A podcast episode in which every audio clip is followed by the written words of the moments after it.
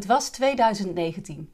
Met op de achtergrond het geluid van fluitende vogels lag ik op mijn buik op een matje. Mijn shiatsu-therapeut draaide mijn schouder en bovenarm alsof haar leven ervan afhing. Ik voelde me alsof ik een stoomlocomotief uitbeelde bij Hints. Kdegedeng, kdegedeng, klonk het in mijn hoofd. Bij dat soort sessies van oosterse of zweverige therapieën waar ik op een of andere manier erg toe aangetrokken ben, word ik altijd en heel giechelig en ik ga lastige vragen stellen. Eerder deed ik dat al bij een craniosacraal therapeut, een paar jaar daarvoor. Ik vind het leven dodelijk vermoeiend, zuchtte ik toen. Het is dweilen met de kraan open.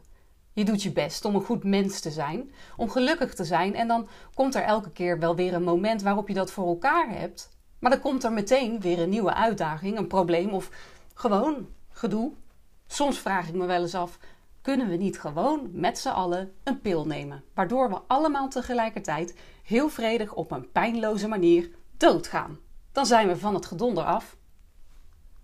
Die craniosacraaltherapeut die schrok daar niet van. Ze wist dat ik mezelf heus niks aan zou doen, maar dat het meer een soort filosofische gedachte was. Terwijl ze haar duimen in mijn oren stopte, want dat gebeurt soms bij die therapie, zei ze wijs. Maar Anne, denk je echt dat dat de reden is voor ons bestaan? Ik weet niet wat de reden wel is, maar we zullen toch niet op de aarde gezet zijn om daarna zo snel mogelijk maar weer dood te gaan? Daar had ze een goed punt. Terug naar het matje, waar de shiatsu-therapeut inmiddels aan mijn tenen trok. Ik vertelde haar dat het goed met me ging en dat ik al mijn lessen aanging. Want, zei ik wijs, ik ga er maar vanuit dat we daarom hier op aarde zijn. Om allerlei lessen te leren.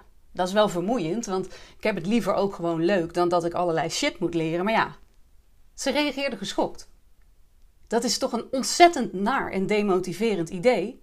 Ik denk helemaal niet dat we hier zijn om van alles te leren. Ik denk dat we hier alleen maar zijn om 100% te zijn wie we moeten zijn. Dus jouw enige taak in het leven is om gewoon 100% Anne te zijn. Mijn ogen werden als schoteltjes en, en dat komt niet zo vaak voor.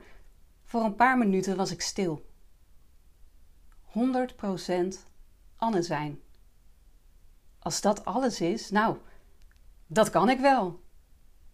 Sindsdien probeer ik dat te doen. 100% Anne zijn.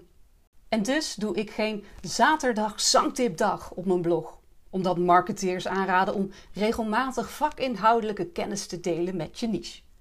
Daarom ga ik op een schommel zitten of van de kabelbaan als ik langs de speeltuin loop.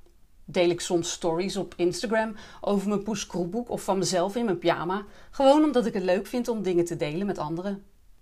Omdat ik nu 100% Anne ben, ga ik niet meer uit beleefdheid meteen ongevraagd afruimen als ik bijvoorbeeld bij mijn schoonouders mee heb gegeten. Want de Anne die ik werkelijk ben, die blijft eigenlijk liever zitten. En omdat ik 100% Anne ben, stuur ik geen nieuwsbrieven meer, maar brieven van Anne, waarin ik gewoon tegen je aan, ouwe hoer, alsof we op het terras zitten. Zoals dit. Oh, er is een uitzondering. Zaterdag 3 en zondag 4 september 2022 ben ik niet 100% Anne. Dan ben ik Aquarella, de zingende zeemermin.